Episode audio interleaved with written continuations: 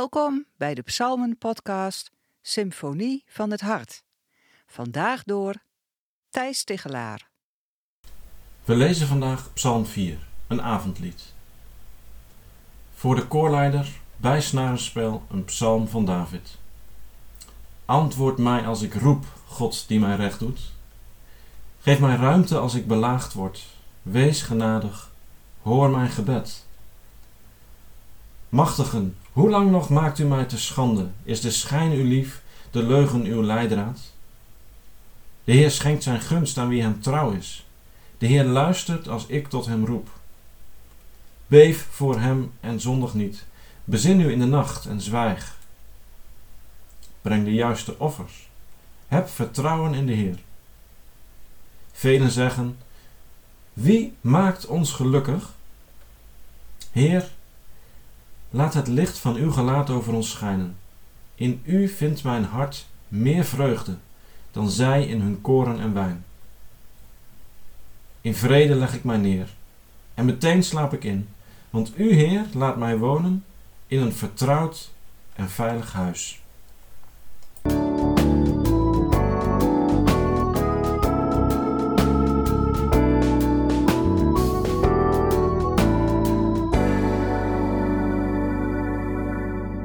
Als ik s'avonds mijn zoontje naar bed breng, wil hij graag dat de lamp in de gang aanblijft en de deur van zijn kamer open, want dan kan hij zich veilig voelen en beter overgeven aan de slaap.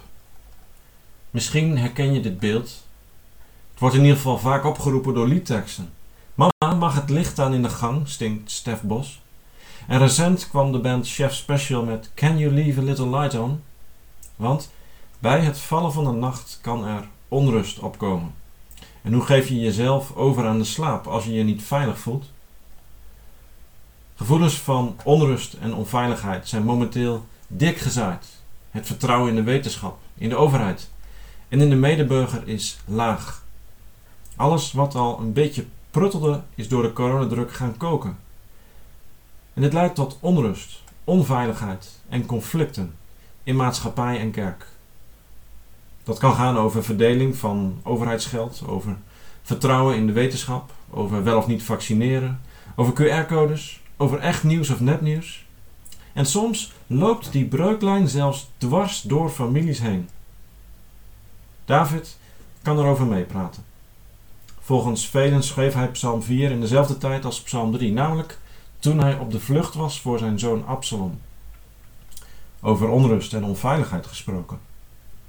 Niet alleen fysiek liep David gevaar, hij werd ook nog eens bedreigd in zijn meest persoonlijke levenssfeer. Want zijn eigen gezin bleek een broeinest van haat te zijn. En toch eindigt David deze psalm met die prachtige woorden van vertrouwen waarin hij zegt dat hij in vrede meteen in slaap valt. Wat is Davids geheim? Laten we vooropstellen dat David niet stoïcijns zijn lot accepteerde. Al in het eerste vers lezen we dat hij in zijn nood roept tot de Heer en bidt om ruimte. Maar na die noodkreet gaat David als het ware in één adem door met profeteren in de richting van de mensen van zijn tijd. Mensen die gevoelig zijn voor het populisme van Absalom. Wie maakt ons gelukkig? vragen zij zich af. Is dat niet de taak voor de koning om ervoor te zorgen dat wij in vrede en welvaart kunnen leven? Als deze koning hier niet in slaagt, wat is dan nog zijn bestaansrecht? Wie maakt ons gelukkig? De eis om gelukkig te zijn is vandaag de dag misschien wel harder dan ooit. Dus wee je ouders en je partner als ze jou niet gelukkig maken. Voor veel mensen is het haast een soort burgerrecht. En net als met andere burgerrechten moet de overheid daarvoor zorgen. In het land van You Only Live Once is die verantwoordelijkheid van de overheid dan ook nog eens ultiem. Maar in de ogen van velen slaagt de overheid er behoorlijk in, want al toen we met onze eerste teen uit de coronacrisis leken te gaan kruipen, klonken er onmiddellijk de loftrompetten over hoe goed het wel niet ging met de economie. In de woorden van Psalm 4: Er is koren en wijn in overvloed.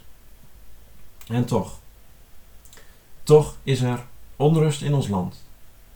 Toch is er onvrede richting de overheid. Toch liggen er mensen wakker over hoe het nou verder moet.